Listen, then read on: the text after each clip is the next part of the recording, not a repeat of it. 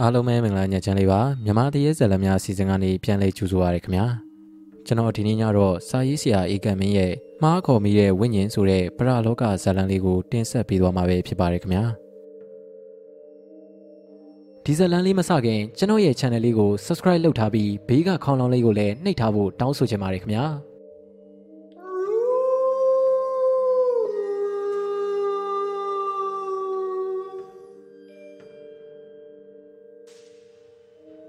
ဖေးမိမိကြောင်းတဲရတော့မှာလားဒါပေါ့ဒီနေ့မီလေးကိုကြောင်းသွားရမလို့လေဖေးကြီးရောမေကြီးပါလိုက်ခဲ့မယ်ကြောင်းကိုဒီရုပ်လေးယူသွားလို့ရလာရင်မရဘူးမီလေးရဲ့အယုတ်ကိုတော့ဒီမှာကစားလို့ရတယ်ကားပေါ်မှာကစားလို့ရတယ်ကြောင်းကိုတော့ယူသွားလို့မရဘူးဆရာမကအယုတ်ဒီကြောင်းကိုယူမလာရဘူးတဲ့ကျောင်းမှာဒလိုအယုတ်ရှိလာရင်မီးတို့လိုကလေးတွေကစားဖို့အတွက်အယုတ်ဒီအများကြီးရှိတယ် ကလေးကအယုတ်ကိုပွေပြီးတော့ကားပေါ်ကိုအတင်းတက်နေတာကြောင့်မိခင်ဖြစ်သူကမီးလေးကလည်းအိမ်မှာထားခဲ့လေလမ်းမှာပျောက်သွားအောင်မယ်ပြန်လာရင်ကစားလို့ရတာပဲဦးဟာမရဘူးကားပေါ်မှာမိမိနဲ့အဖော်လို့ဖို့ခေါ်သွားမယ်ကိုကောင်းမြတ်နဲ့မတ်မီသူတို့ရဲ့တမီဦးလေးငိမ့်ငိမ့်သူက၃နှစ်ခွဲရှိပြီးတော့မူကြိုထားဖို့အတွက်ကြိုးစားနေကြတယ်အယုတ်ကတမီလေးအရွယ်နေပါရှိတယ်မိန်းကလေးရုပ်ပါ အယုတ်လေးကိုပွိပိုက်ထားရင်းနဲ့ကားပေါ်အထိယူသွားဖို့အတွက်အရေးဆူနေတယ်။မိဘတွေကလည်းအယုတ်ချစ်တဲ့သမီးလေးကိုကြောင်းတက်ချင်စိတ်ပြောင်းမသွားဖို့အတွက်ချောမော့ပြောဆိုနေပေမဲ့ငိမ့်ငိမ့်လေးကအယုတ်ကိုကားပေါ်အထိယူလာခဲ့တယ်။ကြောင်းထဲဝင်မှထားခဲ့မယ်လို့ဆိုတယ်။ကိုကောင်းမြတ်တို့လည်းမရလဲသမီးလေးစိတ်မညှို့ညင်ဖို့အတွက်အလျှော့ပေးပြီးတော့ကားပေါ်ကိုတက်လိုက်ကြတယ်။အိမ်ထဲကနေကားကိုမောင်းထွက်လာတယ်။မူဂျိုကျောင်းကရန်ကင်းမှာရှိတယ်။တကုံမြောက်ပိုင်းကနေရန်ကင်းအထိနေစဉ်ပို့ပေးရတယ်။ အဲ့ဒီအကြောင်းကအကြောင်းဆရာမကြီးကမမ်မီသူရဲ့ငယ်တငယ်ချင်းမှာတငယ်ချင်းကလည်းသူ့เจ้าမှာလာထားခိုင်းတယ်။တမီးအတွက်စိတ်ချရတယ်ဆိုတော့နေအိမ်နဲ့အလံဝေးပင်မဲ့လဲကိုပိုင်ကားရှိတဲ့အတွက်အလွယ်တကူပဲသဘောတူခဲ့တယ်။လမ်းကိုရောက်တော့ငင်းငင်းကအရေးစားဆိုတော့တယ်။ဖေးကြီးเจ้าမှာမိမိနဲ့နေခဲ့ပါလား။ဖေးကြီးကယုံသွားရအောင်မဲတမီးရဲ့။ဒါဆိုရင်မေကြီးနေခဲ့လေ။မေကြီးကလည်းယုံသွားရအောင်ပါလေတမီးရဲ့ ကျောင်းမှာအန်နီထွေးရှိတယ်လေအန်နီထွေးကမီလီတို့ဆီယာမသိလား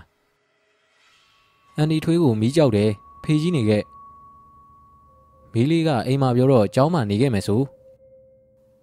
မီးမနေရဲဘူးမီးရဲ့အယုတ်လေးပါနေလို့ရရင်တော့မီးကျောင်းမှာနေခဲ့မယ်ငင်းငင်းသူကပြောရင်းဆိုရင်ငိုတော့တယ်အိုးမီလီကလည်းဘာလို့ငိုတာလဲကားကိုလည်းမောင်းတမီးကိုလည်းလှည့်ပြောနေအလုံးရှုံနေရဲ့ အဲ့ဒီအချိန်မှာပဲရုတ်တရက်ကျဲလောင်တဲ့အတန်ကြီးထွက်လာတယ်။တစ်ဖက်လမ်းမှာသွားနေတဲ့ကားကရုတ်တရက်ရှိကနေကားကိုလွတ်မဲ့အထင်နဲ့လမ်းပြောင်းမြန်တက်ပြီးကြော်လိုက်တော့လမ်းမှန်မောင်းလာတဲ့ကိုကောင်းမြတ်ရဲ့ကားကောင်းနဲ့ထိတ်တိုက်ဝင်တိုးတော့တယ်။မှန်မှန်မောင်းလာတဲ့ကိုကောင်းမြတ်ရဲ့ကားကိုအလင်းစလူကြော်တက်လိုက်တဲ့ကားကဝင်းဆောင်လိုက်တယ်လို့ဖြစ်တာကြောင့်ကပတ်ကျိုးချီထားတဲ့မတ်မီသူနဲ့ကိုကောင်းမြတ်ကဘာမှမဖြစ်ပေမဲ့မတ်မီသူရဲ့ပေါင်ပေါ်မှာလှုပ်ရှားနေတဲ့ငိမ့်ငိမ့်သူလေးကတော့လက်ကနေလွတ်ပြီးကားဒက်ရှ်ဘုတ်နဲ့ခေါင်းဆောင်မိပြီးတော့ဦးခေါင်းကွဲသွားတယ် ကိုကောင်းမြတ်လည်းကလေးနဲ့အချီချမပြောဘဲနဲ့ရှေ့ကိုကြည့်မောင်းရင်ရှေ့ကဝင်လာတဲ့ကားကောင်းကိုရှောင်းနိုင်ကောင်းရှောင်းနိုင်ခဲ့လိမ့်မယ်။ဒါပေမဲ့အခုတော့ဘာမှမလုပ်လိုက်ရပဲခေါင်းဝင်ခံပြီးသလိုဖြစ်သွားတယ်။ကိုကမမားပေမဲ့ကားကောင်းကချိုက်ဝင်သွားတယ်။ကလေးရဲ့အသက်ကလည်းဆုံးသွားတယ်။ရင်တိန်ရဲကြီးရောက်လာသလိုစေးုံကားကလည်းမကြခင်မှာပဲရောက်လာတယ်။တစ်ဖက်ကကားဒရိုင်ဘာကတော့ခပတ်ကျိုးပတ်မထားတဲ့အတွက်မေးမရခေါ်မရဖြစ်နေတယ်။ဒရိုင်ဘာရဲ့ဘေးကလူကတော့အသက်ဆုံးသွားတယ်လို့ကြားရတယ်။ အသက်ကင်းမဲ့နေတဲ့သမီးလေးကိုစီးရုံကိုတည်သွားတာကြောင့်လင်မယားနှစ်ယောက်လုံးဗရာမြေလူပြီးငိုယိုပြီးတော့လိုက်ပါသွားရတယ်။ကားပေါ်ကအယုတ်လေးကိုလည်းစီးရုံထဲကိုယူသွားတယ်။သမီးလေးသမီးမသေးဘူး။သမီးဒီရုပ်ထဲမှာနေပြီးတော့ဖေဖေတို့နဲ့အိမ်ကိုလိုက်ခဲ့နော်ဟုတ်ပြီလား။သမီးဒီရုပ်ကိုချစ်တယ်မလား။ဒီရုပ်ထဲမှာသမီးနေနော်။အဖေတို့ပြန်ရင်သမီးလေးလိုက်ခဲ့ဖေဖေမေမေတို့နဲ့အတူနေရမယ်နော်။ဟင်မောင်ဘာတွေရှောက်လုံနေတာလဲ။ မောင်သမီးလေးကိုမခွဲနိုင်ဘူးသမီးရဲ့ဝိညာဉ်ကိုဒီရုပ်ထဲသွင်းပြီးတော့အိမ်ပြန်ခေါ်သွားမယ်ဟာသမီးကတည်သွားပြီမလားသမီးလေးတူသွားရမယ့်ခီးလန်းကိုလွတ်လွတ်လပ်လပ်သွားပါစေအိမ်ကိုခေါ်မလာပါနဲ့အမှန်ကတော့မမ်မီသူကသမီးလေးကိုချစ်တယ်ဒါပေမဲ့သမီးတည်သွားပြီဆိုတာသူသိတယ်သမီးရဲ့ဝိညာဉ်ကိုတော့အိမ်ကိုခေါ်မသွားရဲပဲခင်မုန်းဖြစ်သူကိုအတင်းတားမြစ်နေတယ်ကိုကောင်းမြတ်ကတော့မမ်မီသူရဲ့စကားကိုနားမထောင်ဘူး သူချစ်တဲ့သမီးလေးရဲ့ဝိညာဉ်ကိုအယုတ်ထဲကိုဝင်ရောက်စေဖို့အတွက်ကြိုးစားအားထုတ်နေတယ်။အဲ့ဒီအချိန်မှာပဲအယုတ်ကိုလက်ထဲမှာကင်ထားပြီးတော့ပြောဆိုနေတဲ့အချိန်စက္ကနဲ့လှုပ်သွားတာကိုခန်းစားသိလိုက်ရတယ်။ကိုကောင်းမြတ်တယောက်ကျေနပ်သွားတယ်။ကိုကောင်းမြတ်ကသူ့မိမမမိသူကိုပြောတယ်။ကဲကဲဒါဆိုရင်လေသမီးရဲ့နာရေးအတွက်စီစဉ်ရအောင်အိမ်ပြန်ကြမယ်။သမီးကိုစေးရုံအေးကမ်းမှာထားခဲ့ရမယ်ဆိုတော့မေသူတယောက်တက်မတက်ငိုးနေတယ်။ ကိုကောင်းမြတ်ကတော့ဇနီးတွေကိုအားပေးနှစ်သိမ့်ရင်အငှားကားနဲ့ပြန်လာခဲ့ကြတယ်။အိမ်ကိုရောက်တော့ကိုကောင်းမြတ်ကအယုတ်လေးကိုတยุတ်တရကင်ပြီးသမီးရဲ့အခန်းထဲကအိယာပေါ်မှာသွားထားတယ်။သမီးလေးအိတ်ချင်လားကလတ်ထိုင်မော်ထိုင်ချင်လားသမီးနေချင်တယ်လို့နေနော်ဖေဖေကတော့မေကြီးကိုသွားပြီးအားပေးနှစ်သိမ့်ရအောင်မယ်။အယုတ်လေးကိုသမီးတဖွဲပြောဆိုရင်းနဲ့အိယာပေါ်မှာပက်လက်ကလေးခေါင်းပေါ်တင်ပြီးတော့ထားပေးခဲ့တယ်။ အပေါ်ကနေဆောင်းချုံပေးလိုက်ပြီးတော့ကိုကောင်းမြတ်တယောက်အခန်းပြင်ကိုထွက်လာတယ်။ရုတ်တရက်ကြည့်လိုက်ရင်သမီးလေးငင်းငင်းသူလိုမျိုးထင်နေရတယ်။အပြင်ရောက်တော့မမီသူကစက်တီပေါ်ထိုင်ရင်တရှိုက်ရှိုက်ငိုနေရင်ကကိုကောင်းမြတ်ကိုကြည့်နေတယ်။ဘာတွေလျှောက်လို့နေရလဲ။ရှင်ရှင်ယူသွားပြီလား။ရှင်ပုံကြည့်ရတာလူကောင်းလို့မဟုတ်တော့ဘူး။အယုတ်ကိုအယုတ်လူနေရာမှာထားပါ။သမီးလေးအစားအယုတ်ကိုနေရာမပေးပါနဲ့။သမီးကသမီးအယုတ်ကအယုတ်ပါပဲ။ သမီးလေးတိတ်ချစ်မြတ်နိုးတဲ့အယုတ်လေးကိုသမီးအမတ်နဲ့အတိမတ်ပြုတ်ထားရတာစိတ်ထဲမှာခံစားရတတ်တာလို့ပဲအဲ့ဒီအချိန်မှာပဲမမ်မီသူတယောက်သမီးလေးရဲ့အခန်းထဲကနေကြောက်ကနေအတန်ကိုကြားလိုက်ရတယ်ဟောကြားလိုက်လားဟင်းကိုမကြားလိုက်ဘူးမေသူကြားလို့လားသမီးလေးရဲ့အခန်းကပြုတ်ကြတဲ့အတန်ကြားလိုက်ရတယ်မကြပါဘူးမေသူစိတ်ထင်လို့ဖြစ်မှာပါသွားကြည့်မယ်လေဟင်းမကြည့်ချင်ဘူး တမီလေးအခန်းကိုကြည့်ရင်တမီလေးကိုတတိယနေမှာသူ့အခန်းကိုအမြဲပိတ်ထားခြင်းနဲ့ဒီလောက်ကြီးခံစားမနေပါနဲ့ဒီအတိုင်းပဲဖွင့်ထားပါတမီလေးသူ့အခန်းထဲကိုဝင်ခြင်းဝင်ထွက်ချင်ထွက်ပါစေကိုကောင်းမြတ်ရှင်လောက်တာနဲ့တမီးကဒီရင်ကိုဆွဲလန်းနေတော့မယ်အဲ့ဒီအချိန်မှာပဲတမီလေးရဲ့အခန်းထဲကနေနောက်ထပ်အတန်တစ်ခုကိုကြားလိုက်ရတယ်ဟင်ဒါတမီးအခန်းထဲကအတန်ပဲလာသွားကြည့်ရအောင်ကိုကောင်းမြတ် ရှင်လောက်တာနဲ့ဒီခန်းထဲကိုသမီးလေးရောက်နေပြီထင်တယ်။မောင်ရုံမှာဝင်းရင်ပူးကပ်လာအောင်လုပ်ခဲ့တာမှန်နေပြီနဲ့တူတယ်။သူတို့နှစ်ယောက်လည်းအခန်းဝရက်ပြီးတော့လိုက်ကာကိုဖယ်လိုက်တဲ့အချိန်ဟင်ဟိုဟိုအယုတ်အယုတ်ကဘာဖြစ်လို့လဲ။အယုတ်ကိုကိုဝင်ထားတော့အိယာပေါ်မှာလေအခုကလထိုင်ပေါ်မှာထိုင်နေတယ်။သူ့ဘေးမှာသမီးလေးရှိနေလားမသိဘူး။သမီးလေးရှိရင်အခုလိုထိုင်ရက်ပွေထားတတ်တယ်။။ သမီးသမီးရှိနေလားရှိရင်တခုခုလှုပ်ပြ။သူတို့လင်မယားဘလို့ပဲပြောပြောအယုတ်လေးကတော့ကလတ်ထိုင်ပေါ်မှာမလုံးမရှက်ရှိနေရဲ့။အခန်းပတ်ဝန်းကျင်ကိုအကဲခတ်ကြည့်ရှုပြီးတော့လင်မယားနှစ်ယောက်အခန်းထဲကထွက်ခဲ့တယ်။သူတို့နှစ်ယောက်သာကြောပေးထွက်သွားတာနဲ့အယုတ်လေးကထိုင်နေရာကနေခုံမော်တက်မတ်တက်ရပြီးမျက်လုံးတစ်ဖက်မိတ်လိုက်တယ်။သမီးလေးတိတ်ဆုံးသွားတဲ့အတွက်မေသူနဲ့ကိုကောင်းမြတ်တို့ခွင့်ဆက်ရက်စီယူထားတယ်။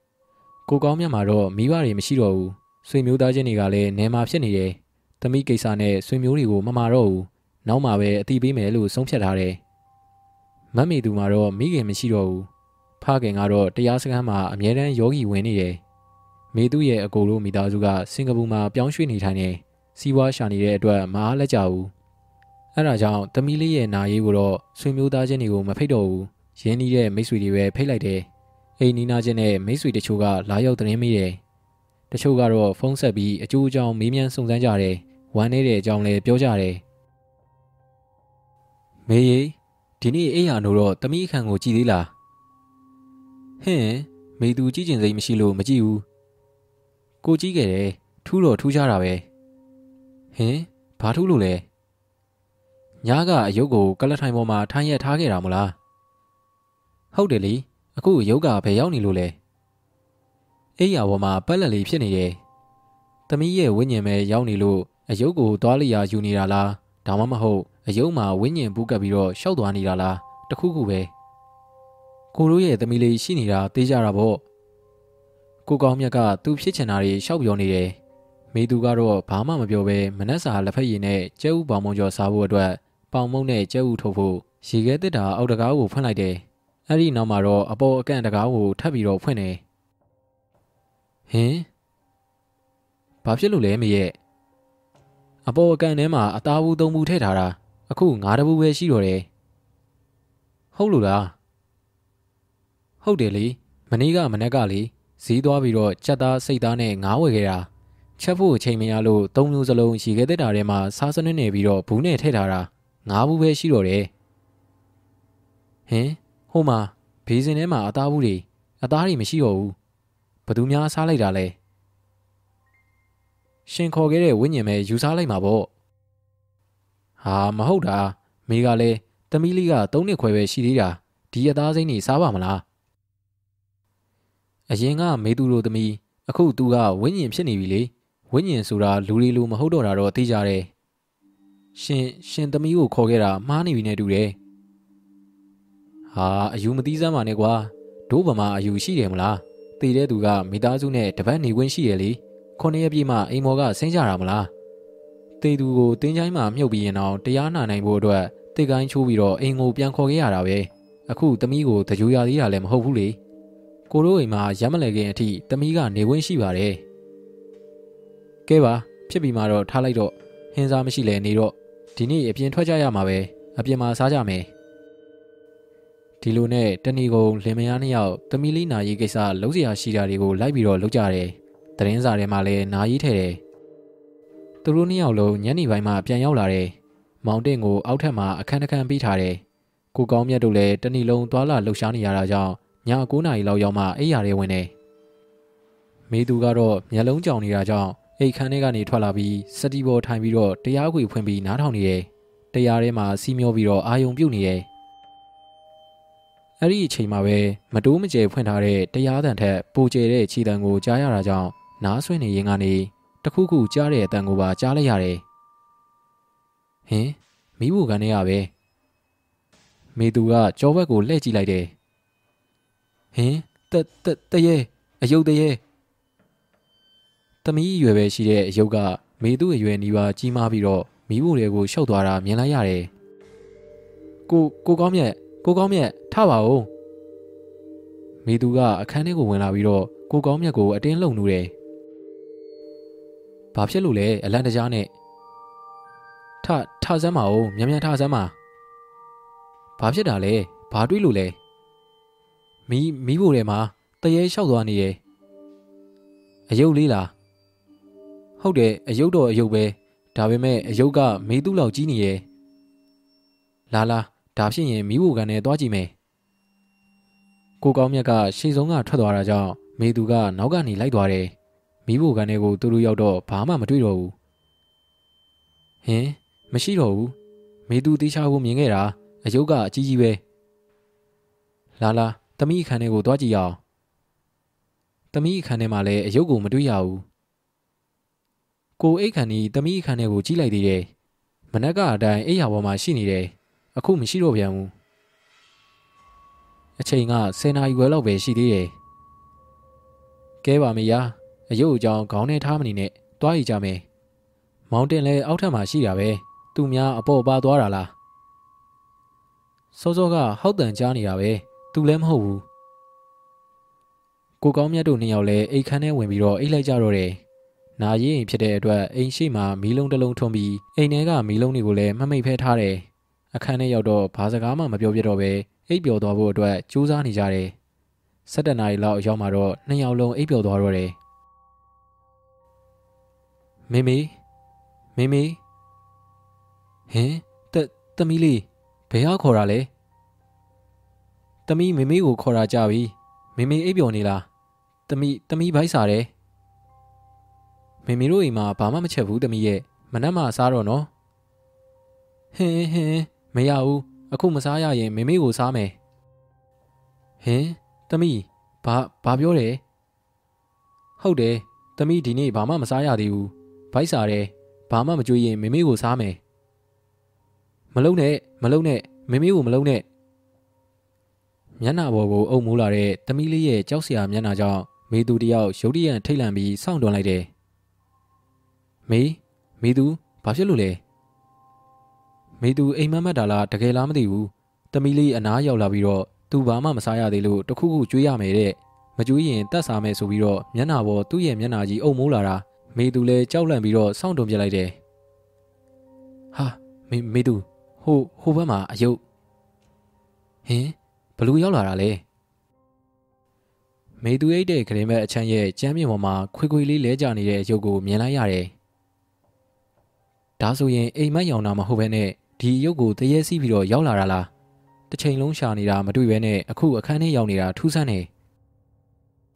ဒီရုပ်ကိုယူသွားပြီးတော့အပြင်ကိုလွှင့်ပစ်လိုက်ပါတော့ရှင်ဒီအယုတ်အိမ်ထဲမှာရှိရင်မေသူမအေးရဲတော့ဘူးသူ့မှာခိုကပ်နေတဲ့ဝိညာဉ်ကစားကျင်တောက်ကျင်လို့စားစရာလာတောင်းနေတာတမီလေးကဝိညာဉ်ပဲဖြစ်အောင်ဒီလောက်ရက်ဆက်မယ်တော့မထင်ပါဘူးအစားအသောက်ကိုလည်းစိုးစိုးဝါးဝါတောင်းဆိုမှာမဟုတ်ဘူးသူတို့နှစ်ယောက်ပြောဆိုနေတဲ့အချိန်အယုတ်လေးကတော့သူမဟုတ်တယ်လို့နဲ့ပုံစံမပြတ်ရှိနေတယ် ဒီရုပ်ကိုဘယ်သွားပြရမှာတော့စဉ်းစားလို့မရတော့ဘူး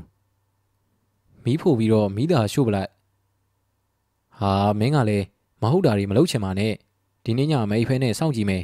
အယုတ်ကိုတော့တမိအခန်းနဲ့သွားထည့်လိုက်မယ်ရှင်ကန်ရဲရင်တော့ကန်လီမေသူကတော့ကြည်တော်မကြည့်ရတော့ဘူးည9နာရီဝယ်လောက်ကမြင်လိုက်တာဒီအယုတ်မှဒီအယုတ်အစ်စ်အရက်ပဲပြောင်းသွားတာ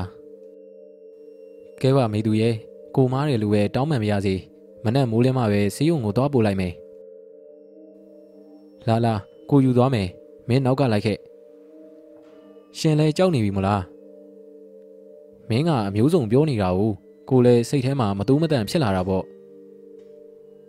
ကိုကောင်းမြက်ကဂရင်းဘောကဆင်းပြီးတော့အယုတ်ကိုသွားကောက်ယူတယ်အယုတ်ကိုတမီးလေးရဲ့အခန်းထဲကကလထိုင်မော်တင်ခဲ့ပြီးတော့ပြန်ထွက်ခဲ့တယ်အဲ့ဒီညအတွက်တော့ပြဿနာတစုံတရာမဖြစ်တော့ဘဲမိုးလင်းသွားတယ် ဒီနေ့မှတမီးလေးကိုတကြိုရမယ့်နေ့ပါတနေ့လုံးအနာမနေရအောင်အလုံးများလာတယ်ဧည့်သည်တွေကိုအိတ်ခံရတယ်မိသူတယောက်တမီလေးကိုနောက်ဆုံးမြင်တွေ့ခွင့်ရပြီးတော့သတိမိသွားတဲ့ကြောင့်ဝိုင်းဝန်းပြုစုကြရတယ်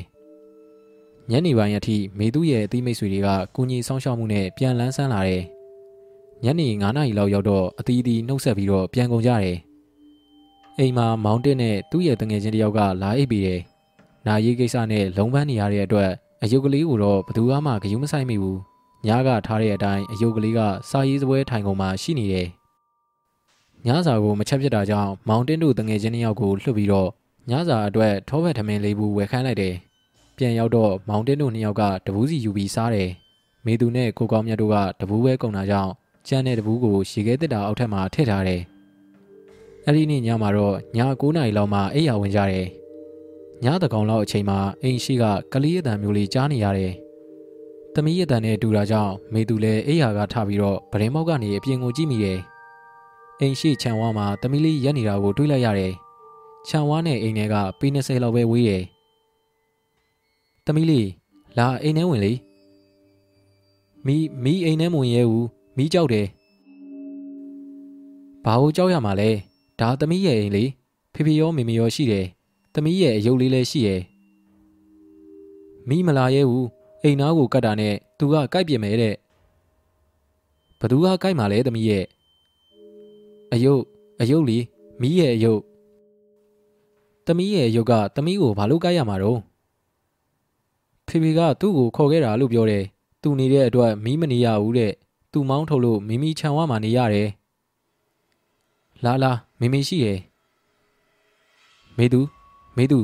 ဘာလို့ထောက်နေရလဲအိမ်မက်မက်ပြန်ပြီလားကိုကောင်းမြတ်ကလှုပ်ပြီးတော့မိတာကြောင့်မေသူတယောက်အိမ်မောကျနေရကနေနိုးသွားတယ်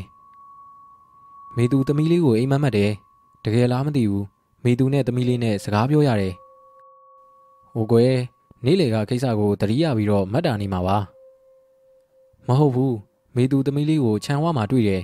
ညှိုးငယ်ထိတ်လန့်နေတယ်အိမ်မော်ကိုလာခြင်းပေမဲ့အိမ်မော်မှာရှိတဲ့အယုတ်က သူ့ကိုမလာအောင်တားနေရတဲ့သူဝင်လာရင်ကြိုက်ထုတ်ပြစ်မယ်လို့ပြောတယ်တဲ့ဟာမဖြစ်နိုင်တာမေသူရာမေသူပြောတာနားထောင်ပါဦးအယုတ်ကဘာကြောင့်မောင်းထုတ်ရတာလဲဆိုတော့ဖေဖေခေါ်ခဲ့လို့အိမ်မှာတူးနေတာတဲ့သူရှိနေတဲ့အတွက်မဝင်ရဘူးတဲ့ဟင်ဘာပြောတယ်ကိုခေါ်ခဲ့တာဟုတ်လားတောက်ကျိုးနေကိုခေါ်တာကတမီးလေးဝင်းညင်ပါဘယ်ကဝင်းညင်ကလိုက်လာတာတော့အေးလေကိုမားတယ်လို့ပဲပြောရတော့မယ် တမီးအမတ်နဲ့ခေါ်လာခဲ့တာစေးရုံမှာရှိတဲ့တရေတကောင်ကိုခေါ်လာမိပြီထင်တယ်ဘဘယ်လိုလုပ်မလဲတရေဆိုရင်မေသူတို့အတွက်အန္တရာယ်ရှိနိုင်တယ်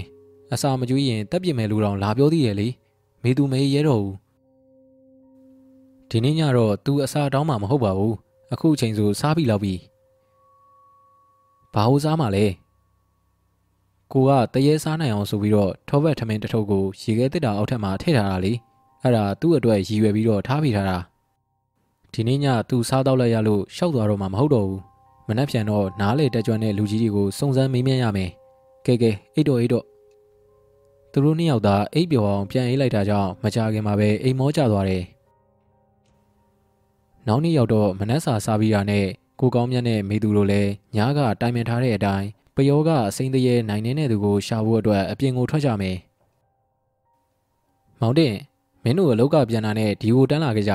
ညစာအားလုံးစီစဉ်ထားမယ်။ဆိုင်ထမင်းဆိုင်ဟင်းပေါ့ကွာမင်းတို့နှစ်ယောက်လုံးလာခဲ့ကြ။ကျွန်တော်တို့အိမ်ပြန်ပြီးတော့အဝယ်စားတွေရိုးမယ်လေပြီးတော့မှလာခဲ့မယ်။ဘာမှမစားခဲ့ဘူးစိတ်ချ။နေအောင်ကမင်းတို့နေလေစာကန်တင်းမှာဝယ်စားကြခါတိုင်းဆိုရင်မင်းတို့ထမင်းထုတ်သွားတာအကိုအိမ်ကထမင်းထုတ်သွားဖို့မလွယ်တော့နေလေစာအကိုတောင်းဝင်ယူရမှာပေါ့မောင်တင်တို့ကခွင်၃ရက်ယူထားတယ်ဒီနေ့ကစပြီးတော့အလုပ်ပြန်ဆင်းရမယ် ရက်လေတဲ့နေ့ကစနေနေ့ပါရက်လေမှာကျွေးမဲ့မုံကိုလည်းအပီးမှာထားတာကြောင့်အကျိုနေ့မှာချက်ပြုတ်ဖို့လည်းမလိုတော့ဘူးလေသူတို့အားလုံးတကားပိတ်ပြီးတော့အပြင်ကိုထွက်ခဲ့တယ်လမ်းပေါ်ကိုရောက်တော့မောင်တင်တို့နဲ့လမ်းခွဲပြီးကိုကောင်းမြတ်တို့လင်မယားကဦးမြဦးရဲ့အိမ်ကိုစိုက်ကားစီးပြီးတော့လာခဲ့ကြတယ်ဦးမြဦးကအမောင်ပယောကနဲ့မစိမ့်နေသူပါသူ့ကိုအကူအညီတောင်းရင်ဆရာကောင်းတမကောင်းရှိရာကိုလမ်းညွှန်နိုင်တယ်။စိုက်ကားကိုမိနစ်20လောက်စီးလိုက်ရတယ်။ဦးမြဦးရဲ့အိမ်ကိုသူတို့တွေရောက်လာတယ်။ အိမ်မှာဦးမြဦးကိုအစင်သင်မဲ့တွေးရတယ်။ဦးမြဦးကကိုကောင်းမြတ်တို့ယုံကတက်ပြည့်ပင်စင်နဲ့အနားယူသွားတဲ့သူပါ။ဟာမောင်ကောင်းမြတ်ပါလား။လာဟိအိမ်မော်ကိုသူတို့လင်မယားနှစ်ယောက်တက်လာခဲ့တယ်။ရောင်းမဆိုင်ပဲပြောပြီးတော့အကူအညီတောင်းရအောင်မယ်ဗျာ။ကိုကောင်းမြတ်ကသမီးလေးတရားပုံကိုပြောပြီးတော့တရေကိုမှားခေါ်မိခဲ့တဲ့အကြောင်းမှပြောပြလိုက်တယ်။မောင်ကောင်းမြတ်သမီးလေးတွေကဥမသိသေးဘူး။ ကျွန်တော်တို့လည်းအတိမိတ်ဆွေအကုန်မဖိတ်ဖြစ်လိုက်ဘူး။အချင်းယုံမဲ့လှုပ်လိုက်ရတယ်။သတင်းစာထဲနာကြီးတော့ထည့်လိုက်တယ်။ဦးလေးတို့အိမ်ကလည်းသတင်းစာအမြဲမယူဘူးလေ။အပြင်ထွက်ဖြစ်တဲ့နေ့ဆိုရင်တော့ဝယ်လိုက်တယ်။အပြင်မထွက်တာများတော့သတင်းစာလည်းမဖက်ဖြစ်တာများတာပေါ့။ဒါနဲ့ရက်လေကဘယ်နည်းလဲ။စနေနေ့ပါအဲ့ဒီနေ့ဦးလာခဲ့မယ်ဒါနဲ့စောစောကကိစ္စပြန်ဆက်ပါအောင်တရေကိုမားခေါ်မိခဲ့တယ်ဟုတ်လား ရေခဲတက်တာထဲမှာစားစရာမထားလို့သူမစားရတော့မေသူ့ကိုတတ်စားမယ်ဆိုပြီးအိမ်မက်လိုလိုတကယ်အပြင်မှာလိုလိုလာပြောတယ်ညာကထောဘက်ထမင်းတထုပ်ထည့်ပြီးတော့တက်စားမယ်လို့မပြောတော့ဘူးအဲ့ဒါကြောင့်ဒီတရေကိုနှင်ပေးလို့ရရင်နှင်ပေးပါလားဒါမှမဟုတ်နှင်ပေးနိုင်မဲ့ဆရာရှိရင်လည်းလမ်းညွှန်ပေးပါလားဦးကတော့ဒီလောက်ထိမစွမ်းဘူးမောင်ကောင်းမြတ်ရဲ့ဦးမှာဆရာကောင်းရှိတယ်ဒီနေ့တော့ဆရာကိုကိစ္စတစ်ခုနဲ့လာပင့်သွားတာတွေ့ရတယ်ညနေမှပြန်ရောက်မယ်တဲ့ မနက်စောစောဆေးလိတ်သွားဝယ်လို့တွေးလိုက်တာဒီလိုလို့မနက်ဖြန်မနက်ကိုဒီအချိန်လာခဲ့ဦးလိုက်ပို့ပေးမယ်အပန်းမကြီးရင်ဆရာကြီးပြန်လာတဲ့အချိန်မနက်ဖြန်ကျွန်တော်တို့လာပေးမယ်အကြောင်းကြိုပြောပြပါလားယင်တော့ကြပဲနဲ့လူရှိလို့ခီးလွန်မှာဆိုလို့ပါဩအေးစိတ်ချစိတ်ချည9နာရီလောက်သွားပြီးတော့ကြိုးပင့်ထားလိုက်မယ်ကိုကောင်းမြတ်တို့လည်းဦးမြဦးကိုနှုတ်ဆက်ပြီးတော့ပြန်ခဲ့ကြတယ်ညနေလောက်မှအိမ်ကိုပြန်ရောက်ခဲ့တယ် အိမ်မှာနေကင်းဘက်တော့ထူးခြားမှုမရှိဘူးအိမ်မှာနာရီသတင်းလာမိတဲ့အသိမိတ်ဆွေ၄50ယောက်လောက်ကိုတော့ကော်ဖီရေနွေးလက်ဖက်တို့နဲ့အခန့်စကားပြောရသေးတယ်မေသူကြီးကိုတို့ညစာအတွက်ဘာဝယ်မလဲဖွဲဖွဲရရတော့မဝယ်တော့ဘူးဒံပေါက်ဖြစ်ဖြစ်ထောဘက်ထမင်းဖြစ်ဖြစ်ဝယ်လိုက်မယ်ဟုတ်ပြီလားအေးရေးပြရတဲ့အထဲအစီအစိတ်နေစားအောင်မလို့လားကြက်စီထမင်းဝဲပါလားကိုမကြိုက်ဘူးလေကွာကြက်စီထမင်းက66ကြီးလဲချောင်းနေနေမကြိုက်ဘူး ဒံပေါက်3ထုတ်ဝယ်လိုက်မယ်မောင်တင်းတို့နှစ်ယောက်အတွက်တထုပ်စီမင်းနဲ့ကိုကတထုပ်လောက်ပဲကုန်မှာ3ထုတ်ဝယ်လိုက်မယ်လေ3ထုတ်မဝယ်နဲ့4ထုတ်ဝယ်ဘာလို့မှလဲစားလဲမစားနိုင်မဲနဲ့ပူနေရဲ့လကားဖြစ်လိမ့်မယ်ဟာကိုကလည်းအပူတထုပ်ကိုရေခဲတက်တာထဲမှာထားလိုက်မယ်လေအဲ့ဒီအခါကျမှကိုကောင်းမြတ်ကသဘောပေါက်သွားတယ်အိမ်မှာရောက်နေတဲ့ဧည့်သည်အတွက်တထုပ်ထားပြရအောင်မယ်လေအေးအေးဒါဆိုရင်လည်းလေးဘူးဝယ်ခဲ့မယ် ငါးနာရီထိုးကန်နေပြီမေသူရောလိုက်ခဲ့မလားမလိုက်တော့ဘူးမှောင်မမမောင်သေးတာမြန်မြန်သွားပြီးပြန်လာခဲ့ဒံပေါက်ဆိုင်ကတိတ်မဝေးတာကြောင့်မေသူလည်းလိုက်မသွားပဲနေခဲ့တယ်အိမ်မော်ကိုမတက်ချင်တာကြောင့်အောက်ထက်ကထိုင်ကုန်မှာထိုင်နေလိုက်တယ်ဟင်အပေါ်ထက်ကလမ်းလျှောက်တဲ့အတန်ပါလားခြေတံကမှန်မှန်လျှောက်နေတယ်အချိန်က9နာရီလောက်ပဲရှိသေးတယ်မှန်မှန်သေးပဲအလင်းရောင်ရှိနေတာကြောင့် ကြောက်စိတ်မဝင်မနဲ့မေသူကလှေကားအတိုင်းအပေါ်ကိုတလန်းချင်းတက်သွားတယ်ဟင်အအယုတ်အယုတ်မေသူလှေကားထိပ်ရောက်လာတာကိုမြင်လိုက်တဲ့အတွက်လမ်းလျှောက်နေတဲ့အယုတ်ကသမီးလေးရဲ့အခန်းထဲကိုလှေကနေပြေးဝင်သွားတယ်ဟင်အယုတ်လေးကလမ်းလျှောက်တာလူကြီးချီတန်အတိုင်းမလားမေသူကအခန်းထဲကိုလိုက်ပြီးတော့ဝင်မကြည့်ရတဲ့အတွက်လှေကားထိပ်ကနေအနောက်ကိုပြန်လှည့်ပြီးတော့ဆင်းလာခဲ့တယ် အောက်ဖက်လှေကားရင်မှာသူ့အရင်နီးပါးရှိတဲ့အယုတ်ကအပေါ်တက်ဖို့အတွက်ခြေလန်းအောင်ကြွနေပြီမေသူလည်းရုတ်တရက်မြင်လိုက်ရတော့လန့်ပြီးអော်လိုက်မိတယ်အောက်ကိုလည်းမစင်းရတော့ပဲလှေကားကနေအပေါ်ကိုနောက်ဆုတ်တက်လိုက်တယ်စောစောကသမီးလေးအခန်းထဲကိုဝင်သွားတဲ့အယုတ်ကိုသွားကြည့်ဖို့အတွက်ဆုံးဖြတ်လိုက်တယ်ခြေလန်းတွတ်တွတ်လှမ်းပြီးတော့သမီးလေးအခန်းလိုက်ကာစားကိုလှက်ပြီးအထဲကိုကြည့်လိုက်တယ်အထဲမှာဘာရုံမှရှိမနေဘူး ဒါဆိုရင်လှေကားထိတ်ကအယုတ်တရေကသမီးလေးအခန်းထဲဝင်တဲ့အယုတ်ပဲသမီးလေးရဲ့အခန်းထဲမှာအယုတ်ကိုမမြင်တာကြောင့်နောက်ကိုလှည့်လိုက်တဲ့အချိန်လှေကားထိတ်မှာအယုတ်တရေကရက်နေတယ်မေသူလည်းအောက်ကိုပြန်ဆင်းဖို့အတွက်မဖြစ်နိုင်တော့ဘူးအခန်းကြီးထဲလည်းသူမဝင်ရဲဘူးဖျားကမ်းဘက်ကိုရှောက်သွားပြီးတော့စက်တီပေါ်မှာထိုင်လိုက်တယ်လှေကားထိတ်ကတရေအယုတ်ကလှေကားထိတ်လက်ရန်တိုင်ကိုမိပြီးတော့ရိုးရိုးအယုတ်လိုမျိုးခြေပြက်လက်ပြက်ထိုင်နေတယ် ဒါပေမဲ့သူ့ရဲ့မျက်နှာကကြောက်စရာအသွင်မျိုးဖြစ်နေတယ်။မေသူကအောက်ကိုဆင်းဖို့အတွက်မဖြစ်နိုင်တော့ဘူး။ထိုင်ကုန်ပေါ်ကနေအယုတ်ကိုကြည့်နေရဲ့။အယုတ်ကတတ်မဲ့အယုတ်တိုင်းရှိနေပေမဲ့မေသူမသွားရဲဘူး။သူမကိုတခုခုလှုပ်လိုက်မှလည်းကြောက်တယ်။အခုနေအကူကြီးတောင်းရမယ့်လူကလည်းမရှိဘူးလေ။အဲ့ဒီအချိန်မှာပဲအပြင်ကစကားသံတွေကြားလိုက်ရလို့ပရင်းပေါက်ကနေခေါင်းပြူပြီးတော့ကြည့်မိတယ်။လမ်းပေါ်သွားရင်းနဲ့ပြောသွားတဲ့စကားသံတွေဖြစ်တဲ့အတွက်ကိုကိုနောက်ဆုတ်ပြီးတော့အယုတ်ကိုပြန်ကြည့်တယ်။ ဟင်အယုံမရှိတော့ဘူးအဲ့ဒါကြောင့်ထိုင်ရန်ကနေထပြီးတော့အောက်ဆင်ဖို့အတွက်လှီကားထိတ်ကိုအပြေးထွက်လာတယ်လှီကားပေါ်ကနေအောက်ကိုခတ်သွက်သွက်ပဲဆင်းတယ်လှီကားအောက်ခြေလူတရက်ကိုရောက်တဲ့အချိန်လှီကားရဲ့အောက်ကလမ်းတစ်ဖက်ထွက်လာပြီးတော့မေသူ့ရဲ့ခြေထောက်ကိုလှမ်းဆွဲလိုက်တယ်အမလီခြေထောက်ကိုလှမ်းဆွဲလိုက်တာကြောင့်ခတ်သွက်သွက်ဆင်းလာတဲ့မေသူတယောက်ရှေ့ကိုပြစ်ကျသွားတယ် ရှေ့ကိုဝရားထိုးကြတာကြောင့်ရုတ်တရက်လက်ထောက်လိုက်တော့ဘဲဘက်လက်တစ်ချောင်းကျိုးသွားတာကိုသိလိုက်တယ်။အသေးခိုက်အောင်နာကျင်လာတယ်။လှီကားအောက်ကနေအယုတ်တရေကထွက်လာတယ်။အမောင်မရောက်သေးပေမဲ့အယုတ်မှာပူကတ်နေတဲ့တရေကမေသူ့ကိုစိတ်တိုင်းကျလှုပ်ဆောင်တော့မဲ့ဟန်နဲ့အနီးကိုရှောက်လာတယ်။အယုတ်ရဲ့လက်သေးတွေကခြုံထက်စွာထွက်နေတယ်။သူ့ရဲ့ပါဇက်ကိုဟားလိုက်တိုင်းခြုံထက်တဲ့အဆွဲတွေကိုတွေ့ရတယ်။ညလုံးနှလုံးကရဲရဲတောက်ပြီးတော့အည်လဲနေတယ်။တကယ်အသက်ဝင်နေတဲ့အယုတ်တရေကောင်ကြီးကို နာကျင်နေတဲ့ကြားကမေသူတယောက်တွေ့နေရတယ်။လက်ကကျိုးသွားတယ်ထင်ပေမဲ့ပေါက်ထွက်မသွားတဲ့အတွက်တော်သေးတယ်လို့တွေးလိုက်မိတယ်။လက်ကတဆစ်စစ်ကိုက်နေတယ်။ဒါပေမဲ့နားတဲ့အနာကိုဂယုမဆိုင်ရဘူး။တရေကသူ့အနားလာထိုင်ပြီးတော့လက်နှစ်ဖက်ကမေသူ့ရဲ့မျက်လုံးကိုထိုးဖောက်ဖို့အတွက်ကြိုးစားနေတယ်။မလုံးနဲ့မလုံးပါနဲ့မိမိကိုမလုံးနဲ့အင်းရှိအခန်းဝါကကလေးတန်ကိုကြားလိုက်ရတယ်။အယုတ်ကနောက်ကိုစက္ကနဲလှည့်ကြည့်ရဲ့။ အခန်းဝါမှာတမီလေးကိုရေကနေမြင်လိုက်ရတယ်။အဲ့ဒီနေရာကိုတရေပူးကန်နေတဲ့ရုပ်ကသွားဖို့အတွက်ထိုင်ရန်ကနေထားတယ်။အဲ့ဒီအချိန်မှာပဲခြံထဲကိုဝင်လာတဲ့မောင်တင်တို့စကားပြောတဲ့အတန်ကိုကြားလိုက်ရတယ်။အယုတ်ကကြမ်းမြတ်မော်ကိုခွေကနေလဲကျသွားတဲ့အချိန်ရိုးရိုးရုပ်လေးပြန်ဖြစ်သွားတယ်။အပေါက်ဝမှာမောင်တင်လဲပေါ်လာတယ်။လှေကားထိတ်မှာခွေးခွေးလေးလဲနေတဲ့မတ်မီသူကိုတွေးလိုက်ကြတယ်။ဟင်အမဘာဖြစ်တာလဲ။လှေကားတစ်ဝက်ကချော်ကြတာ လက်နဲ့ထောက်လိုက်လို့ကျိုးသွားလားမသိဘူး။နားလိုက်တာသိမတတ်ပဲ။အော်မကျိုးပါဘူး။ကျိုးရင်တွဲလောင်းဖြစ်နေမှာပေါ့။အကိုရောဖယ်သွားလဲ။သူကစားစရာသွားဝယ်တယ်။မောင်တင်းတို့တငယ်ချင်းတစ်ယောက်ကပခုံးတစ်ဖက်စီထိန်ပြီးတော့ခုံမော်ကိုခေါ်သွားတယ်။အကိုလာရင်ဆေးရုံသွားမှဖြစ်မယ်။ဒါနဲ့ဟိုရုပ်ကဘလို့ရောက်နေတာလဲမ။အမိုက်ပုံးနဲ့သွားထည့်မလို့ယူပြီးတော့ဆင်းလာတာ။ဟင် အယုတ်ကအကောင်းကြီးပါနှမျောဖို့ကောင်းတယ်ပြစ်မနေပါနဲ့ကလေးတယောက်ယောက်ကိုပေးလိုက်ပေါ့အမဒီရုပ်ကိုမြင်ရင်သမီးလေးကိုတတိယလို့အာမေသူတယောက်လက်ကအနာကကြိုက်တာကြောင့်စုပ်သက်မိရဲ့အဲ့ဒီအချိန်မှာပဲကိုကောင်းမြတ်ကဓာတ်ပေါက်လေးတုပ်ဆွဲပြီးတော့အိမ်ကိုပြန်ရောက်လာတယ်ရောင်းမဆိုင်မှာပဲရိုးရိုးချီချော်ကြလို့လက်ထိခိုက်သွားတယ်လို့ပြောလိုက်တယ်တရေဆွဲချတယ်လို့မောင်တင်းတို့ရှိမှမပြောချင်ဘူးတရေချောက်လက်နေတာကိုမောင်တင်းတို့ကမသိသေးဘူးလေ ဒါဆိုရင်မဖြစ်သေးပါဘူးအထူးကူစေကံကိုသွားမယ်ဓာတ်မှန်ရိုက်တဲ့ရင်ရိုက်လိုက်မယ်ကဲကဲသွားစို့သွားစို့မောင်တင်မင်းတို့စားနေကြ ကိုကောင်းမြတ်တို့လင်မယားလည်းအငှားကားနဲ့စီးရုံကိုလာခဲ့ကြတယ်ဓာတ်မှန်ရိုက်ကြည့်တယ်လက်မောင်းယိုတစ်ချောင်းကျိုးသွားတယ်ကျန်တဲ့တစ်ချောင်းကမကျိုးတဲ့အတွက်ကံကောင်းတယ်လို့ဆိုတယ်ဆေးထိုးပြီးတော့စားစေးပြီးပြီးလက်ကိုကြောက်ပတ်တီးစီးပြီးတယ်အားလုံးပြီးတော့ည7နာရီလောက်ရှိနေပြီ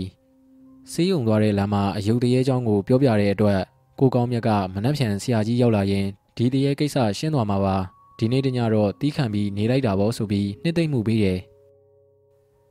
အိမ်ပြန်ရောက်တော့မောင်တင်းတို့အိပ်ပျော်နေတာကြောင့်နှိုးပြီးတော့တကားဖွင့်ခိုင်းရတယ်အရေးမကြီးလို့ကြောက်ပတ်တီးစီးပြီးတော့ပြန်လွတ်လိုက်တယ်မင်းတို့ရောစားပြီပြီလားဟုတ်ကဲ့အကိုတို့အတွက်ရေခဲတက်တာအောက်ထပ်မှာသွားထည့်ထားတယ်အေးအေးဒါဆိုရင်အကိုတို့သွားပြီးတော့ယူစားလိုက်မယ်မောင်တင်းတို့ပြန်ရေးကြတော့လေ မေသူနဲ့ကိုကောင်းမြတ်တို့တယောက်မျက်နှာတယောက်ကြည့်မိကြတယ်ရေခဲတက်တာတွေကဓာတ်ပေါက်တွေကိုတရေစားလိုက်ပြီလို့ယုံကြည်ပြီးသားလေဆေးရုံမှာဓာတ်မှန်ဆောင်ရင်နဲ့ဗိုက်စာလို့အပြင်ထွက်ဝယ်စားလိုက်တာမှန်သွားတယ်မဟုတ်ရင်ဒီနေ့ညငတ်မှာနှစ်ယောက်သားအိမ်မောမတက်သေးပဲနဲ့မိဖို့တွေကိုဝင်ကြည့်ရဲ့ထင်ထားတဲ့အတိုင်းထမင်းစားစပွဲပေါ်မှာဓာန်ပေါင်းနှစ်ထုပ်ကိုဖြီးပြီးတော့စားထားတယ်ကဲကဲဒီနေ့ညတော့ဓာန်ပေါက်စားပြီးအယုတ်တရေအိယာပေါ်လဲနေမှာအသေးကြပဲ အဲ့ဒီနောက်မှာတော့မေသူနဲ့ကိုကောင်းမြတ်တို့လည်းအပေါ်ထဲကိုတက်လာပြီးအဝေးအစားလဲပြီးတော့အိယာပေါ်တက်ပြီးအိတ်လိုက်ကြတယ်သူတို့အိယာဝင်တော့ည12နာရီထိုးနေပြီနောက်နေ့မနေ့ကျတော့ကိုကောင်းမြတ်တို့ကဆရာကြီးကိုပင်ဖို့အတွက်ဦးမြဦးရဲ့အိမ်ကိုထွက်ခဲ့ကြတယ်9နာရီလောက်မှဆရာကြီးအပါဝင်ဦးမြဦးတို့ဇနီးမောင်နှံမှာကိုကောင်းမြတ်တို့အိမ်ကိုလိုက်လာတယ်ဆရာကြီးကအိမ်မော်ကိုတက်လာကြတဲ့ကရှင်းနောက်ဝဲရကြည့်တယ်အင်းအိမ်မှာဧည့်သည်ရောက်နေတာ哦 ဧည့်သည်ကအိမ်ရှင်ကိုနှင်ထုတ်လို့ပါလားကဲဖះကန်းကအပေါ်မှာလားအပေါ်မှာဆိုရင်အပေါ်တက်ရအောင်မောင်ကောင်းမြတ်အောက်ထက်ကအိမ်ရှိတကားပိတ်လိုက်တော့ဝင်ကျင်တဲ့လူရှိရင်ဝင်ခိုင်းလိုက်ဆရာအလုံးလုံးနေတဲ့အချိန်ဘသူလာလာတကားဖွင့်မပြီးနဲ့ပြီးတော့တစ်ဆက်တည်းပဲနောက်ဖက်မှာရှိတဲ့တကားတွေပါသွားပြီးတော့ဖွင့်လိုက်ဟုတ်ကဲ့ဆရာကြီးဆရာကြီးဦးဆောင်ပြီးတော့အပေါ်ရက်ကိုတက်သွားတာကြောင့်သူတို့အားလုံးလည်းအပေါ်ရက်ကိုလိုက်သွားတယ် မမ်မီသူကလက်တစ်ဖက်ထဲနဲ့ဆရာကြီးထိုင်ဖို့အတွက်အခင်းကိုပြင်ဆင်လောက်ကင်ပေးနေတဲ့အချိန်ကိုကောင်းမြတ်ရောက်လာတယ်ကဲကဲရပြီရပြီအားလုံးအဲ့ဒီနာမှာထိုင်ကြဆရာကြီးအလုံးစားလုပ်တော့မယ်ဆရာကြီးကဖျားစင်မှာဖျောင်းနိုင်တဲ့မီးပူစော်တယ်အမွေးတိုင်လည်းထွန်းတယ်မောင်ကောင်းမြတ်ရေတန်းတက်ဖလားလောက်ဆရာကြီးကိုယူပေးပါလားကိုကောင်းမြတ်ကဆရာကြီးတောင်းတဲ့ရေကိုရေတန်းဘူးထဲကနေထည့်ပေးတယ် ရေဖလားကွက်ကိုဖျားစင်ပေါ်တင်ပြီးတဲ့နောက်ဖျားကိုထိုင်ရှင်ခိုးနေတယ်ခဏကြာတော့ဖျားကိုရှင်ခိုးဦးချလိုက်ပြီးဆရာကြီးကလူတွေရှိတဲ့ဘက်ကိုလှည့်ထိုင်နေအေးမောင်ကောင်းမြတ်ပြောပြထားလို့ဆရာကြီးတီးတဲ့တလောက်တော့တီးပြီးပြီမှားတာကတော့မောင်ကောင်းမြတ်မှားတာပဲတမီလေးနဲ့မခွဲနိုင်လို့ဒီရုပ်မှာပူးကပ်ပြီးလိုက်လာဖို့ခေါ်ကလေးကစမှာတာပဲတေကာစားဝိညာဉ်ဆိုတာတွေ့ရမဲ့ပြီးတော့ဘာလို့လို့ဘာကန်ရမဲ့မသိဘူးကိုကိုကိုတေမန်းအောင်တီးကြတာမဟုတ်ဘူး တဏီယာမှာတေပြီးတော့အလောင်းတယ်သွားရင်ပါသွားခြင်းမှာပါသွားတာလေသူဆွဲလန်းရနောက်ကိုရှောက်ပြီးတော့သွားနေတတ်တာအဲ့ဒီအချိန်မှာအလောင်းသားသွားပြီးတော့ပူးကပ်လိုက်လာဖို့ပြောဆိုနေတာကြားတဲ့ဝိညာဉ်တရေကောင်ကအကွက်ဆိုင်ပြီးတော့ပူးကပ်လိုက်ပါလာတာပဲငက်ပြက်နေတဲ့တရေနဲ့တူလို့အခုလောက်ပဲဖြစ်တာလူဘွားတွေကတောင်းကျမ်းတက်ဖြက်လူရဲ့စားတော့လို့တေးလာတဲ့တရေပူးကပ်လာရင်တော့မောင်ကောင်းမြတ်တို့လွဲမဲထင်လားမထင်ပါဘူးဆရာကြီးရဲ့ကဲကဲမောင်ကောင်းမြတ် ကလေးရဲ့ရုပ်ကိုဆရာကြီးစီတွားယူလာခဲ့ကိုကောင်းမြတ်လည်းတမီးလေးအခန်းထဲဝင်ပြီးတော့အယုတ်ကိုကြည့်တယ်အယုတ်ကထိုင်ကုန်ပေါ်မှာထိုင်လျက်ရှိနေရဲ့တော်ပါသေးရဲ့အယုတ်မရှိရင်အခက်ပဲအယုတ်ကိုကောက်ကန်ပြီးဆရာကြီးရှီကိုယူသွားတယ်အင်းအယုတ်မှာနမ်းမရှိတော့ဘူးပဲဆရာကြီးခေါ်မေးမယ်ကဲကဲအားလုံးဆရာကြီးကိုပဲကြည့်နေတရေကိုခေါ်မယ်သူဝင်ကျင်တဲ့လူကိုဝင်ပူးလိုက်မယ်ကဲ ဒီအယုတ်မှာပူးကတ်လိုက်ပါလာတဲ့ဝိညာဉ်ကောင်မင်းဒီအိမ်မှာရှိနေတယ်ဆိုတာဆရာသိတယ်အခုလာကြစမ်းဆရာကြီးကခေါ်တယ်ဒါပေမဲ့ဘာမှမထူးကြဘူးတောပိုင်ဆောင်နဲ့နဲပိုင်ဆောင်နဲ့အီအိမ်ဆောင်နဲ့တို့နဲ့အထက်ဆရာသမားတွေရဲ့အမိန့်နဲ့ငါဆရာခေါ်တယ်အခုလာကြစမ်းအဲ့ဒီအချိန်မှာပဲနာရေးသတင်းမေးဖို့အတွက်ရောက်လာသူတွေကအသက်30လောက်ရှိတဲ့အမျိုးသမီးကိုဝင်ပူးကတ်တော့တယ်ဟဲ့လာစမ်းရှိကို ဘသူစီသွားပြီးတော့ပူးကတ်တာလဲလာရှိကိုဆရာကြီးကလွယ်ထဲကစီးချိန်လုံးကိုထုတ်ပြီးအမိန့်တန်နဲ့ခေါ်လိုက်တော့ပီကက်ကက်နဲ့မလားချင်းတလို့လုံနေရဲ့ဟဲ့ချိန်လုံးစာမိကျင်လို့လားဆရာကြီးကစီးကျိန်လုံးနဲ့လေကိုခပ်ပြင်းပြင်းတစ်ချက်ရိုက်လိုက်တော့အမလီလာပါပြီအတန်ကအသက်ခက်ကြီးကြီးမိမအတန်မှာဒီနေရာကိုလာဆရာကြီးကျိန်လုံးနဲ့ညွန်ပြတဲ့နေရာမှာလာပြီးတော့ထိုင်နေ ကဲပြောစမ်းနင်းဘာတူလဲကျကျမကဆေးရုံမှာတန်ရှင်းလုပ်တဲ့ဒေါ်တူးပါနင်းကဆေးရုံမှာမနေဘဲနဲ့ဘာလို့ဒီကိုရောက်လာတာလဲဒီကကောင်လေးကသူ့သမီးတွေလို့ငိုနေတဲ့အချိန်သူတို့နားမှာတန်ရှင်းရေးလုပ်နေပါတယ်ကောင်လေးခေါ်နေတဲ့ကလေးဝိညာဉ်ကကားချင်းတိုက်တဲ့နေရာမှာပဲဝဲလေလေဖြစ်နေတာကိုမသိဘဲနဲ့ဆေးရုံရောက်နေတဲ့အလောင်းနီးမှာငိုရင်အယုတ်လေးမှာပူးကပ်ပြီးလိုက်ခဲ့ဖို့အတန်တန်ခေါ်နေပါတယ်အဲဒါကြောင့်သူကလေးအစားကျမပူးကပ်ပြီးတော့လိုက်သွားတာ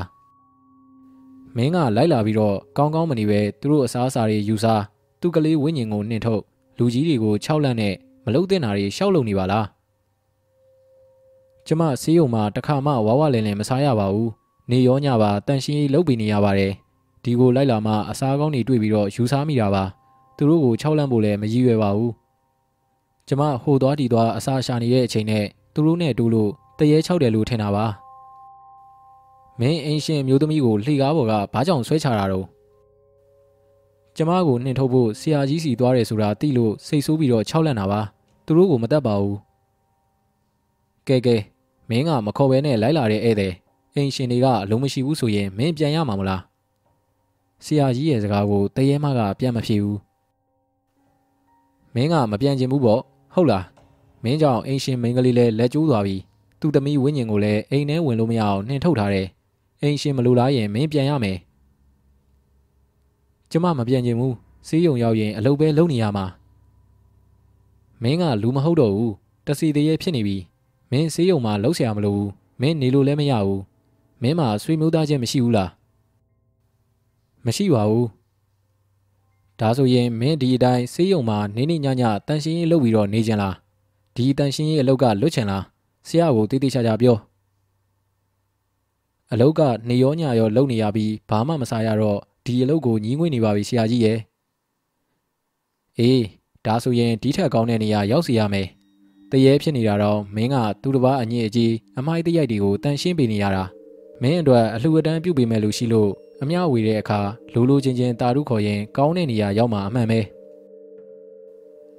ကျမမသိခင်ကလေးကစေရနာတန်တန်နဲ့လောက်ကင်ပေးလို့လူချင်းလူခင်ပေါ်ခဲ့ပါတယ်ဒါပေမဲ့ကျမသိပြီးတဲ့နောက် ကျမမရှိရင်ကျမလူလုံးမဲ့လူရှိမှာမဟုတ်ဘူးဆိုပြီးတော့အခုအချိန်ထိတန်ရှင်းရေးလုပ်နေရတာပါမင်းမှာဆွေမျိုးသားချင်းမရှိဘူးဆိုတော့ဒီလိုလို့မင်းဒီနေ့ဒီအိမ်ကနေထွက်သွားလာမဲ့စနေနေ့မနက်အာယုံဆုံးကပ်ပြီးတော့တရားနာလိမ့်မယ်မင်းကိုနာမည်ခေါ်ပြီးတော့အမျှဝေပေးလိမ့်မယ်မင်းလာမလားဒီအိမ်ရှင်နေဖိတ်ရင်လာခဲ့ပါမယ်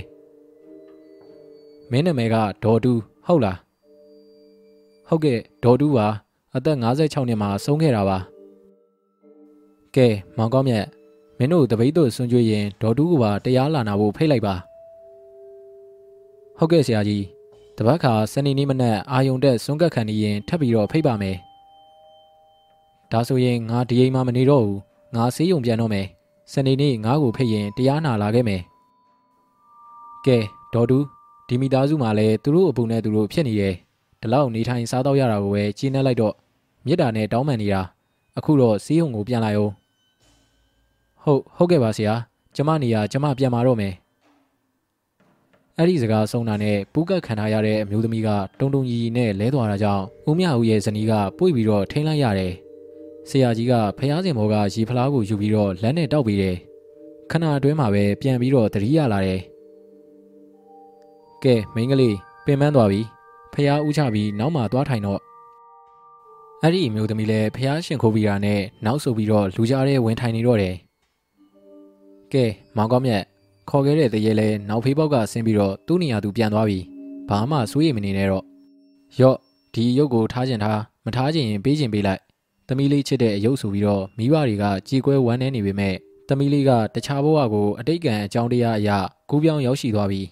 လူဖြစ်ချင်လဲဖြစ်မှာပဲဒီထက်မြင့်တဲ့နေရာလဲရောက်ချင်ရောက်မှာပဲတို့လူသားတွေကမသွားနဲ့မလာနဲ့ဒီမှာနေဆိုပြီးတော့စီရင်ပိုင်ခွင့်မရှိဘူးလေ ကလေးကဒီအိမ်မှာရှိရင်စနေနေ့အထိပဲရှိမယ်နောက်ပိုင်းသူခရီးသူသွားမှာမိဘဖြစ်ထိုက်လို့ဖြစ်ခဲ့ပေမဲ့ဒီလောက်နှစ်အပိုင်းခြားအထိပဲမိဘဖြစ်ခွင့်ရလိုက်တာကြီးနှံလိုက်ကြတော့ကဲကဲမောင်ကောင်းမြတ်ဘာသိကျင်သေးလဲတရေမကြီးမရှိတော့ဘူးဆိုရင်ကျွန်တော်ဝမ်းသာပါပြီတရက်လုံးအစွဲလန်းလဲမထားတော့ပါဘူးသမီးလေးတက်ရှိထင်ရှားရှိစဉ်ကလူလေးသေးမရှိချစ်ခင်ယူရပေးနိုင်ကြတာနဲ့တင်ဖြည့်သိမ့်ပြီးတော့ခြေနဲ့နေပါတော့မယ်အေးအေး တာတုတာတုတာတုကဲဆရာကြီးပြန်တော့မယ်ကဲမောင်ကောင်းမြတ်ဦးလေးတို့လည်းပြန်တော့မယ်မောင်ကောင်းမြတ်လိုက်မပို့ပါနဲ့မိသူကအနာကြီးနဲ့မလားဦးလေးတို့ဆရာကြီးကိုအိမ်အထိလိုက်ပို့လိုက်ပါမယ်ကိုကောင်းမြတ်တို့ဇနီးမောင်နှံလည်းတရေရဲ့ရန်ကကူညီဖြည့်ရှင်းပေးတဲ့ဆရာကြီးကိုလိုအပ်တာအသုံးပြုဖို့အတွက်ပတ်စံထည့်ထားတဲ့စာရီလေးပေးပြီးအားပါတရကြောလိုက်တာကြောင့်ဆရာကြီးကလည်းစုရီပေးခဲ့တယ်။ အဲ့ဒီနောက်မှာတော့ဆရာကြီးနဲ့ဦးမြဦးတို့ပြန်သွားတယ်။ကိုကောင်းမြတ်တို့လည်းနာရေးသတင်းမေးဖို့အတွက်ရောက်နေသူတွေကိုအိတ်ခံရင်းနဲ့အဖြစ်အပျက်တွေကိုရှင်းပြနေရင်ရောက်လာတဲ့သူတွေကလည်းတန်အတော်ဖြစ်နေကြတော့တယ်။စာရေးဆရာဧကမင်းရဲ့မှားခေါ်မိတဲ့ဝိညာဉ်ဆိုတဲ့ပရလောကဇာလံလေးကတော့ဒီမှာရင်ပဲပြီးဆုံးသွားပါပြီခင်ဗျာ။နားထောင်သူမိတ်ဆွေများအားလုံးကိုစိတ်နှဖျားကျမ်းမာချမ်းသာကြပါစေခင်ဗျာ။ဒီဇာလံလေးကိုကြိုက်တယ်ဆိုရင်အောက်မှာ like လုပ်ပေးဖို့တောင်းဆိုချင်ပါတယ်။အားလုံးပဲအိမ်မလှလှမှတ်ကြပါစေခင်ဗျာ။